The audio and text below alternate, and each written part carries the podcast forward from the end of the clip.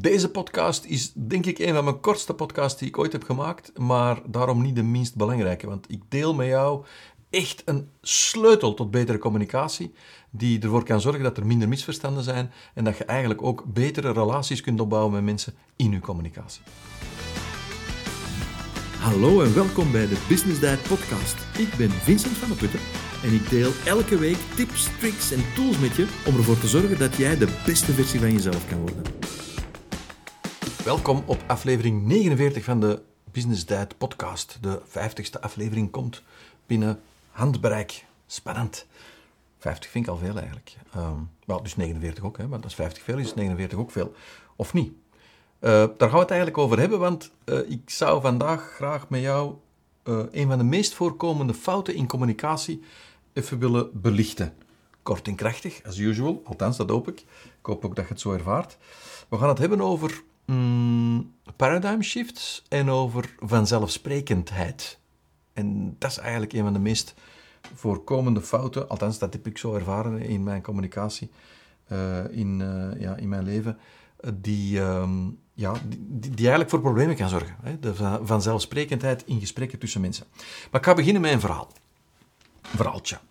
Het is het verhaaltje van, of het is het verhaal, het is eigenlijk een heel zielig verhaal, van um, een metrostel in, hè, dus een metrotreinstel in de Parijse metro.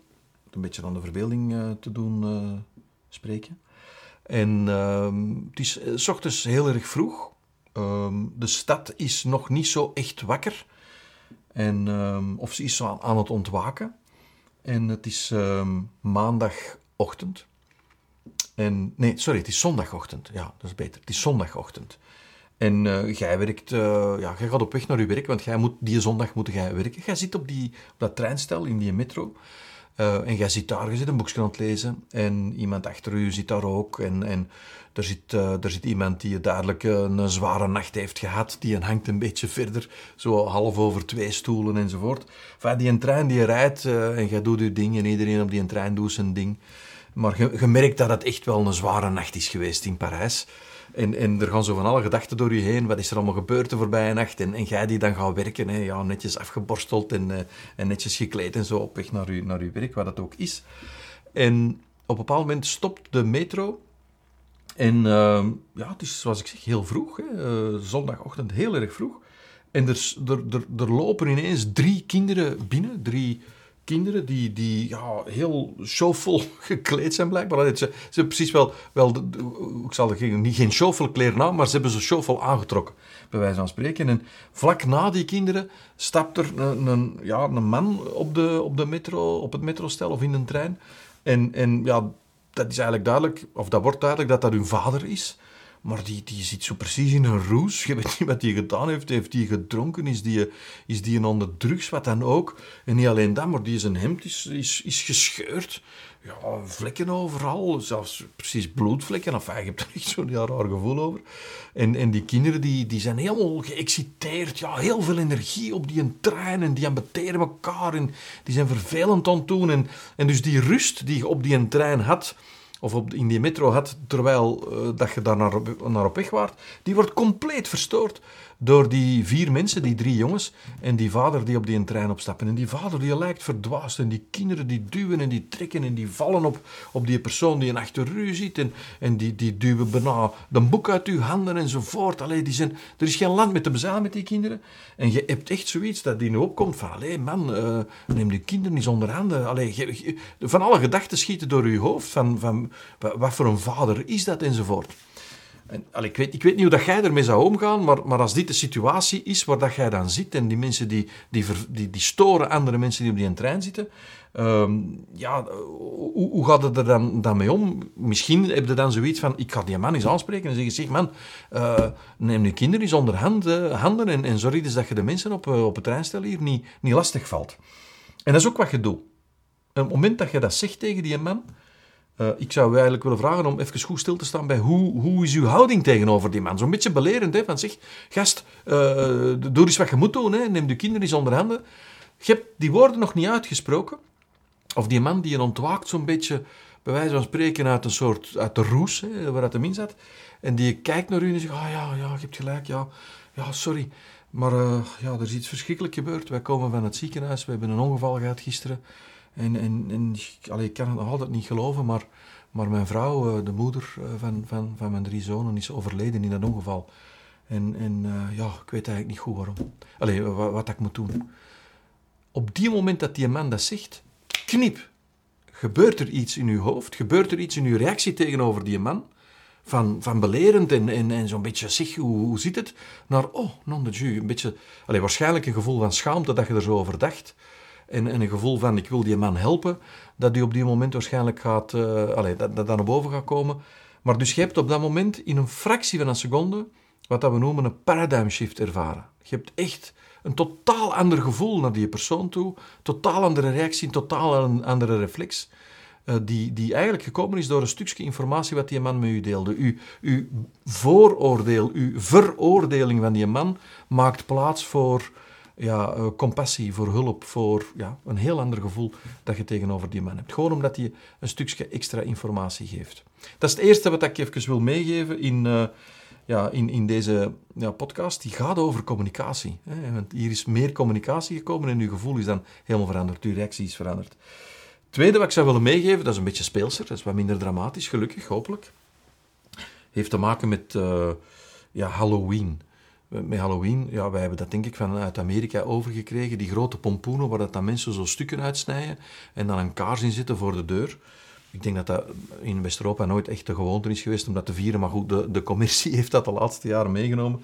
Dus er worden zo in de herfst rond Halloween uiteraard enorm veel pompoenen verkocht.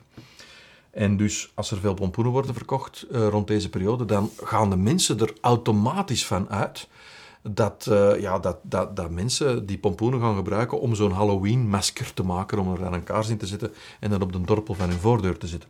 Dat is, dat is een heel logische reflex die je hebt, als dat in die tijd van het jaar gebeurt en mensen kopen dan één of twee grote pompoenen. Maar je kunt met pompoenen natuurlijk nog heel veel andere dingen doen dan uh, daar een Halloween-masker van te maken om op de dorpel van je voordeur te zetten. Je kunt met pompoenen bijvoorbeeld ook, uh, ja, daar kun je heel lekker soep van maken. En dat kun je ook doen rond de Halloween-periode. Maar je kunt misschien ook uh, die pompoen opensnijden, omdat je denkt van, goh, ik ga straks in de lente, ga ik die zaadjes van die pompoenen, die nu in grote aantallen uh, worden aangeboden in de winkels, ik ga die zaadjes eruit halen en ik ga die in de lente, ga ik die planten, om dan hopelijk uh, binnen zoveel maanden ook zelf eigen pompoenen te kunnen gaan oogsten. Dus waarom vertel ik dat eigenlijk? Het, het gegeven pompoen rond Halloween uh, de normale reactie is van, ah, dat moet dienen om daar een Halloween-masker voor te maken, maar je kunt daar dus nog heel veel andere dingen mee te doen. En dat is wat ik dan bedoel met een stukje van zelfsprekendheid. Als je in een commercieel gesprek zit, in een commerciële relatie, uh, en ik gebruik de analogie van de pompoenen, en je gaat er dan vanuit dat het wel daarvoor zal moeten dienen, ja, dan zouden we wel eens echt op een heel verkeerd pad kunnen komen. Dus het is enorm belangrijk dat wij misschien zo'n paradigm shift zoals daarnet kunnen meemaken. Het is ook enorm belangrijk dat we die vanzelfsprekendheid uit gesprekken kunnen halen. En hoe doe je dat? Ja, door eigenlijk uh, veel, uh, met, met, veel minder be bevooroordeling, met veel minder vanzelfsprekendheid, zal wel daarom gaan dat je op, met veel minder daarvan zou luisteren naar de mensen met wie dat je communiceert. En daarbij heb ik een laatste tip die ik zou willen meegeven. Ik heb vroeger zoals dat je misschien weet, als je al naar andere podcasts hebt geluisterd van de Business Diet, heel veel training gegeven aan, aan, eh, aan, aan heel veel mensen, managers en, en, en salesmensen en uh, leidinggevenden enzovoort. Heel dikwijls was dat in zalen en soms was dat in heel erg grote zalen. En wat ik dan deed, was een spelletje dat ik speelde ook om een beetje, zo, een beetje meer interactie te creëren en eens even iets anders te doen. Dat is dat ik dan vroeg aan de mensen, neem eens een stukje papier en schrijf eens op, uh, vaak het woordje vaak, en niet van uh, moe zijn, vaak, nee, vaak zoals in dikwijls. Uh, vaak, soms en uh, dikwijls. En dan nog daaronder het woord altijd. En dan zei ik, ik ga u vragen om volgens uw eigen aanvoelen eens percentages te gaan invullen die de tijd die dat woord omschrijft vertegenwoordigt. Dus bijvoorbeeld, altijd is 100% van de tijd dus vult bij altijd 100% in. Als altijd 100% van een tijd is, vult dan eens naar uw eigen aanvoelen in hoeveel procent van een tijd is dan vaak, hoeveel procent van een tijd is dan soms en hoeveel procent van een tijd is dan dikwijls. En dat vroeg ik dan om dan gewoon in te vullen. En ik vroeg dan, nadat de mensen dat hadden ingevuld, om in groepjes van 5, 6, dat is even die getallen is even met elkaar te vergelijken. En uiteindelijk speelde ik een, een soort spel dat, er, dat de bedoeling had om twee mensen in een zaal te vinden die op de, verschil, de drie verschillende percentages die ze moesten invullen, die daar drie exact dezelfde percentages hadden. Ik heb dat jaren gedaan en ik heb, je kunt het al raden, nooit mensen gevonden die exact dezelfde percentages hadden. Integendeel, ik heb mensen gevonden die heel uh, uiteenlopende percentages hadden voor uh, vaak, soms en dikwijls. Die uh, soms 50% van hun tijd en iemand anders die soms 0,5% van hun tijd hadden. Uh, mensen die dikwijls daar 10% op gaven en andere mensen die daar 95% op gaven. Waarom vertel ik dat nu? Ik zei toen ook, er is geen goed of slecht antwoord. Er is geen juist of onjuist antwoord. Het punt is alleen dat iedereen die percentages invulde vanuit zijn of haar interpretatie van mijn vraag en vanuit zijn of haar eigen leefwereld, zijn, zijn of haar eigen ervaring, zijn of haar, haar eigen historie. Maar het punt wat ik wil maken is vooral, niemand had dezelfde percentages. Althans, toch zeker niet op die drie. Er zal misschien wel eens op eentje uh, er wel dezelfde percentages geweest zijn, maar er waren enorm grote uiteenlopende verschillen. En dat is een heel belangrijk gegeven als je communiceert met mensen en als je die een belangrijke stap van luisteren overslaagt. Als je dat niet doet, dan ga je misschien met schade en schande een paradigm shift uh, meemaken. Dan ga je misschien veel te laat beseffen dat die man uh, ja, een liefhebbende vader is en geen een alcoholieker die, die een trein opstapt. Dat ben ik nog vergeten te zeggen. Die man rookt ook nog naar ether. Hè. De, de ontsmettingsalcohol die men uh, gebruikt heeft, of ik weet niet of dat ether ontsmettingsalcohol is, maar uh, you, you, got the picture. dus die rookt nog naar, naar, daarnaar, die zag er ook helemaal niet uit. En het eerste beeld dat je ervan had, was echt niet een positief beeld. En dat is dan omgeslagen naar een positief beeld. Als je luistert naar mensen, echt oprecht, om te leren wie ze zijn, om te leren wat dat hun ervaring is geweest, dan heb je een heel andere vorm van communicatie. Als je luistert om te leren naar de mensen, dan ga je ook weten of dat ze die pompoen nodig hebben om uh, een Halloween-masker te maken, om er soep van te maken of om de zaadjes mee te planten. En als je kunt luisteren naar de mensen om echt te weten van waar dat ze komen, dan ga je ook beseffen dat als je aan iemand zegt, ik zou graag hebben dat je heel dikwijls dat of dat doet, of heel vaak dat of dat doet, dat u een dikwijls of u vaak, dat dan een heel andere is dan die een dikwijls of die vaak van andere mensen. Dus twee tips die ik zou willen meegeven. Eén, dat is luisteren om te leren, zodanig dat je die paradigm shift op een rustige manier kunt doorlopen, zodanig je veel beter begrijpt wat dat de bedoeling is van de uh, spreekwoordelijke pompoenen dat de mensen gaan kopen. En de tweede tip die ik zou willen meegeven, is om echt goed na te denken, goed luisteren en terug te koppelen als jij vraagt om iets dikwijls te doen, uh, vraag dan eens aan een andere persoon, hoe zie jij dat dan? Hoe vaak is dat? Hoe dikwijls ga je dat dan doen? Door die loop, eigenlijk die communicatieloop te sluiten. Veel succes. Het was een hele korte podcast, maar misschien denkt je toch van ja, ik wil toch nog eens even herlezen wat er allemaal gezegd is. Wel, dat kan. Via het blogartikel van de podcast kan je alles terugvinden. Dit was aflevering nummer 49 en dus dan vind je de samenvatting op www.businessdiet.be slash 49 en dan, zoals steeds bedoel ik het getal. Als je nu zegt van ja, ik wil volgende afleveringen toch niet missen, abonneer je dan zeker op de podcast via Spotify of Apple Podcast of dat kan ook in beeld via YouTube. Bij deze aflevering hoort ook een speciale gratis download, uh, zeven principes uh, menselijke relaties.